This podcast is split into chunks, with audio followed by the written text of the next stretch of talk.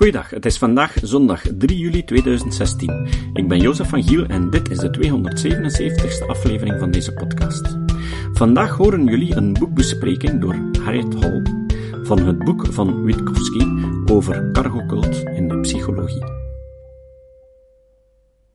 Vorig jaar beoordeelde ik het boek Psychology Gone Wrong van Thomas Witkowski en Masic Satonsky waarop ze erop wezen dat veel van de geaccepteerde opvattingen en therapieën in de psychologie niet op goed bewijsmateriaal waren gebaseerd. Nu heeft Witkowski een nieuw boek. Psychologie op een dwaalspoor. Cargocult in wetenschap en therapie. Dat gaat bij sommigen zeker tegen de haren instrijken. Hij vergelijkt de psychologie met een cargocult. Hij zegt het cargocult-fenomeen is vrijwel afwezig in de natuurkunde, scheikunde en wiskunde, maar in zowel de psychologie als de sociologie loopt het de spuigaten uit.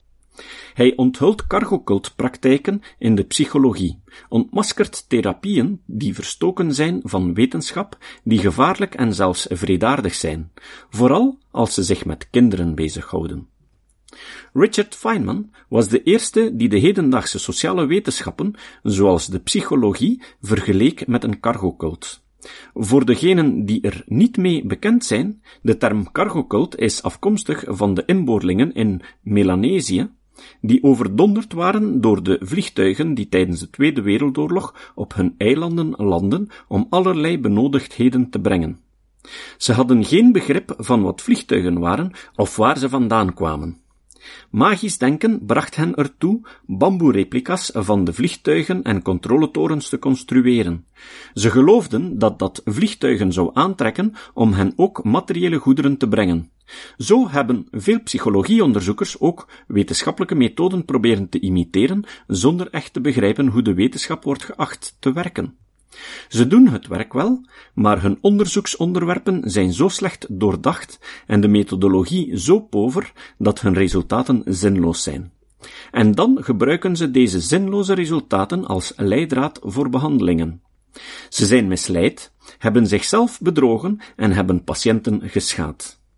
Witkowski's boek begint met een briljante discussie over hoe de menselijke geest werkt en denkprocessen ontwikkelde die vaak tot fouten leiden. Vervolgens geeft hij een grondige bespreking van cargocult, met veel meer detail dan ik elders heb gelezen.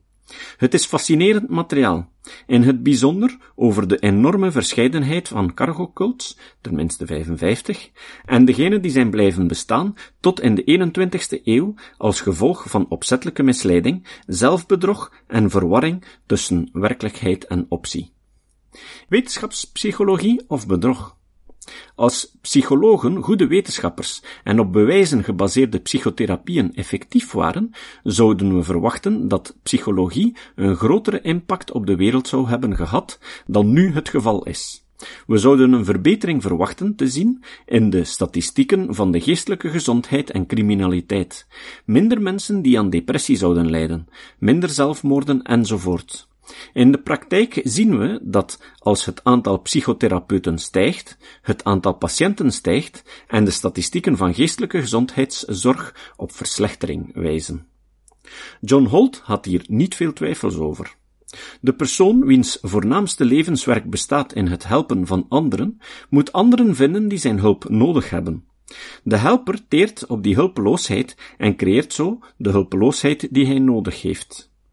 Witkowski stelt zich de vraag: zijn we betrokken bij een daad van diep bedrog, waar we verantwoordelijk zijn voor het onderhoud van duizenden wetenschappers die zich bezighouden met volkomen ineffectieve inspanningen? 500 psychotherapieën. Er bestaan 500 soorten psychotherapie. Weinige verdwijnen weer. De meest succesvolle zijn verweven met populaire opvattingen en tradities. Cargocult-profeten ontmoedigen empirische toetsing. Freud zei, de overdaad aan betrouwbare waarnemingen waarop deze beweringen rusten, maakt ze onafhankelijk van experimentele verificatie.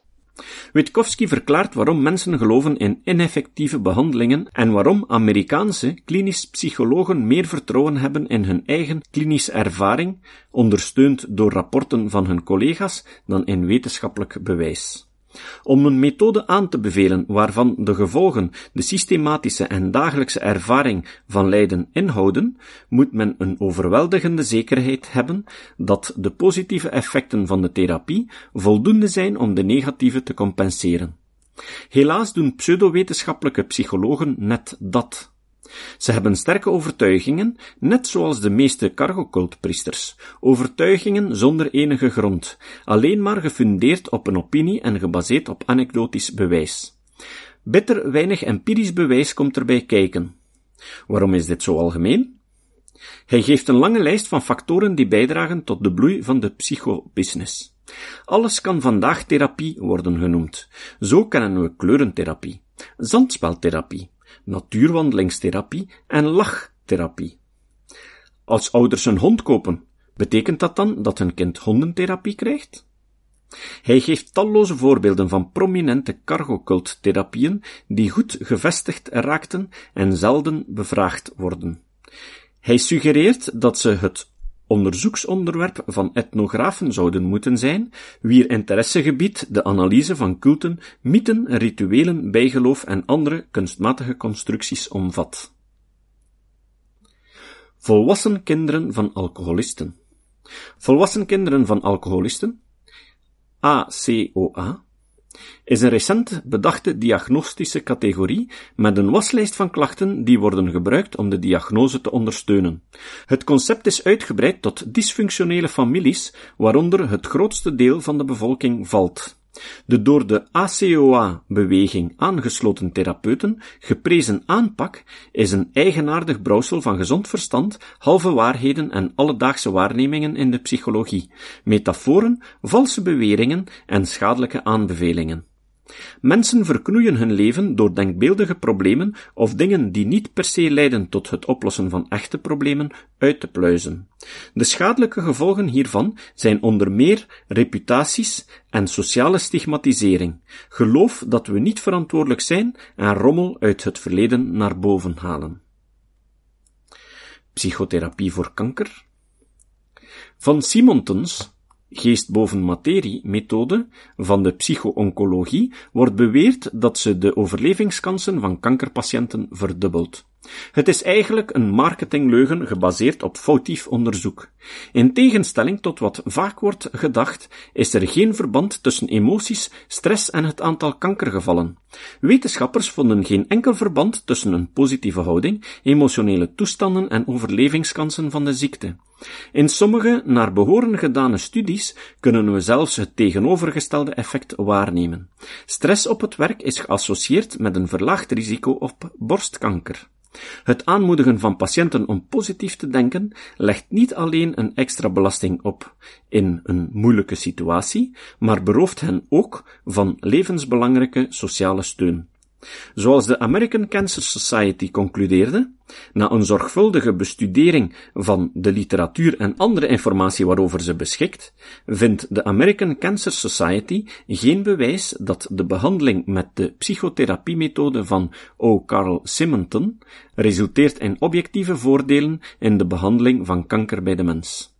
Van cognitieve gedragstherapie, waaronder trainingen in ontspannen, stressmanagement en probleemoplossende technieken is aangetoond dat ze een beter humeur voortbrengt, psychisch lijden vermindert en kankerpatiënten het idee geeft dat de kwaliteit van hun leven erop vooruit gaat, maar ze verlengt hun overleving niet. De rampindustrie.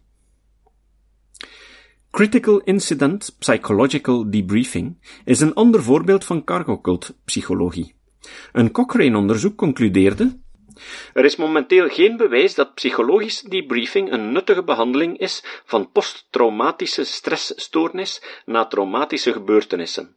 Verplichte debriefing van de slachtoffers van een trauma moeten ophouden. De helpers voelen zich beter. Soms voelden de patiënten zich slechter. De huidige aanbevelingen van de WHO over psychologische debriefing zeggen Psychologische debriefing mag niet worden gebruikt voor mensen die recent aan een traumatische gebeurtenis werden blootgesteld om het risico van posttraumatische stress, angst en depressieve symptomen te verminderen. Sterkte van de aanbeveling zeer sterk. Kindermishandeling en aanverwante onzin. De Doman de la Cato methode is bedoeld voor de behandeling van hersenbeschadiging bij kinderen en om het intellectuele potentieel van niet gehandicapte kinderen te verhogen. Zij beweren dat ons individuele genetische potentieel hetzelfde is als dat van Leonardo da Vinci, Shakespeare, Mozart, Michelangelo, Edison en Einstein. Onze individuele mogelijkheden zouden niet dezelfde zijn als die van onze ouders of onze grootouders. Alle intelligentie is een product van het milieu. Ze doen fantastische beweringen, zoals dat ze één jaar oude kinderen met een hersentrauma hebben leren lezen. Ze gebruiken belachelijke behandelingen met een enorme tijdsinvestering, met patroonvorming, maskeren, het kind ondersteboven hangen, vitamines, voeding enzovoort. Ze hebben een wereldwijd imperium opgebouwd. Witkowski's kritiek laat er geen spaander van heel. Educatieve kinesiologie, Paul Dennison en Brian Jim, worden gefinancierd door de overheid en wordt in 87 landen toegepast. Ben Goldacre noemt het een volledig van de pot gerukt wetenschappelijk verklarend kader. Holdingtherapie heeft geleid tot marteling van kinderen en talrijke doden. Studies gebruiken onbetrouwbare metingen van problemen en behandelingsresultaten. Ze baseren zich op subjectieve meldingen van ouders en vragenlijsten die niet zijn gevalideerd. Deze methoden blijven in zwang voor gewetensloze, op profijt beluste mensen, onwetendheid of het onvermogen om toe te geven dat ze fout waren. De lijst gaat maar door. Er komt geen einde aan de psychologische pseudowetenschap en pseudotherapieën. Een paar andere onderwerpen van Witkowski gaan over ondersteunende communicatie, neurolinguistisch programmeren, dolfijnondersteunende therapie, de Violta-methode van revalidatie door priming, de Tomatis-methode van auditieve integratie, sensorische integratietherapie, imaging als de nieuwe frenologie, Dr. Amons SPECT scans, prefrontale lobotomie, een al te zeldzaam voorbeeld van een cargocultherapie die uiteindelijk werd verworpen? Een voorgesteld remedie. Baker en zijn collega's hebben veranderingen in het huidige accreditatiestelsel in de American Psychiatric Association aanbevolen. Ze willen onwetenschappelijke opleidingen en ook beoefenaars van wetenschappelijk onbewezen methoden aan de kaak stellen. Ze verantwoorden deze oproep door soortgelijke veranderingen die met succes in de geneeskunde in de praktijk zijn gebracht. Ze zeggen dat alle therapieën die niet empirisch werden bevestigd, uitsluitend als experimentele therapie moeten worden aangemerkt en patiënten moeten worden erkend als medische subjecten. Ze suggereren dat het gebruik van problematische therapeutische interventies, zoals de ondersteunende communicatiemethode in het geval van autistische kinderen, als een strafbaar feit moeten worden behandeld. Ik zou de term therapie in de fase van ongecontroleerde experimenten op mensen als alternatief voorstellen. Richtlijnen voor patiënten. Bij de beslissing om een behandeling te ondergaan moet men niet vergeten dat we uit minstens een paar honderd scholen en modaliteiten kiezen, waarvan er vele in conflict zijn met elkaar. Slechts een handvol kan bogen op empirisch bewezen effectiviteit. Patiënten moeten de volgende vragen durven stellen. Is er bewijs voor de behandeling? Is er een manier om genoegdoening te krijgen als de behandeling schade berokkent? Is de therapeut een lid van een professionele organisatie met een ethische code of een code van goede praktijken? Is er een systeem van toezicht op de therapeuten? Wat gebeurt er als je niet meer kan betalen of als je de behandeling opgeeft? Houdt de therapeut het verloop van de therapie bij, zodat hij je eventueel aan een andere specialist kan overdragen? Moet je therapeut nauwkeurige procedures en werkingsnormen volgen, zodat de nieuwe therapeut kan bepalen wat er al gedaan is en wat nog moet worden aangepakt? Heeft je arts het doel van de therapie vastgelegd en is hij in staat om te bepalen wanneer de doelen zijn bereikt? Of ziet hij de behandeling eerder als een creatieve daad, waarin jij het medium bent en niemand anders in staat is om het meesterwerk te voltooien?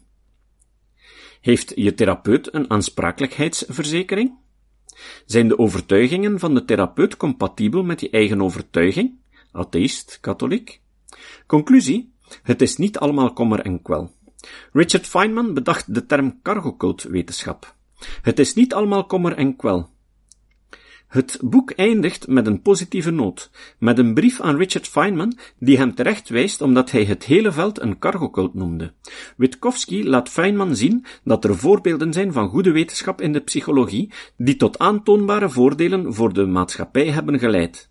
Zo hebben bijvoorbeeld studies over de reactietijd op verschillende configuraties van remlichten geleid tot wetten voor een derde remlicht op voertuigen. Het aantal kop-staartbotsingen, blessures en reparatiekosten verminderden daardoor drastisch. Er zitten een aantal fouten in het boek. AIDS wordt gerekend tot de onbehandelbare ziektes en het hoofdstuk over statistiek is slecht, met een misleidende uitleg over de p-waarden. Maar over het geheel genomen zit er veel waardevolle informatie in. Zelfs als je het niet eens bent om deze nepwetenschap cargocult te noemen, zal het je doen afvragen welke andere algemeen aanvaarde psychologische principes en therapieën op goede wetenschap gebaseerd zijn. Dit boek is het tweede deel van een trilogie. Ik kijk al uit naar deel 3. Het citaat. Het citaat van vandaag komt van Ben Goldacre. Uit zijn boek Bad Science. Over alternatieve therapeuten zei Goldacre, Misschien koesteren ze diep in hun hart alleen maar wrok over het feit dat ze zichzelf de toegang hebben ontzegd tot de belangrijkste ontwikkelingen in de geschiedenis van het westerse denken van de laatste 200 jaar. Tot de volgende keer. Deze podcast is het resultaat van het werk van veel mensen. Rick de Laat verbetert bijna al mijn teksten en maakt de meeste vertalingen. Emiel Dingemans verzorgt onze website en Facebookpagina. Ook Leon Korteweg en Stefan Sutens schrijven, vertalen of verbeteren soms artikelen. Leon onderhoudt bovendien het YouTube-kanaal van deze podcast. De muziek van de intro en de trailer heeft Nick Lucassen geschreven en soms maken we ook gebruik van muziek van Ad van Nederpelt, die ons zijn prachtige composities ter beschikking stelt. Dit was de podcast Kritisch Denken. Vergeet niet om alles kritisch te behandelen, ook deze podcast. Voor verdere informatie over deze podcast, links en voor de tekst, surf naar www.kritischdenken.info. Als je deze podcast belangrijk vindt, kun je me steunen door anderen warm te maken ook eens te luisteren. Stuur een e-mail naar vrienden met een link naar de website en plaats de link in de handtekening van je e-mails. Tevens kun je op iTunes deze podcast een beoordeling geven of een recensie schrijven. Of je kan op je eigen website of blog een link naar kritisch denken plaatsen.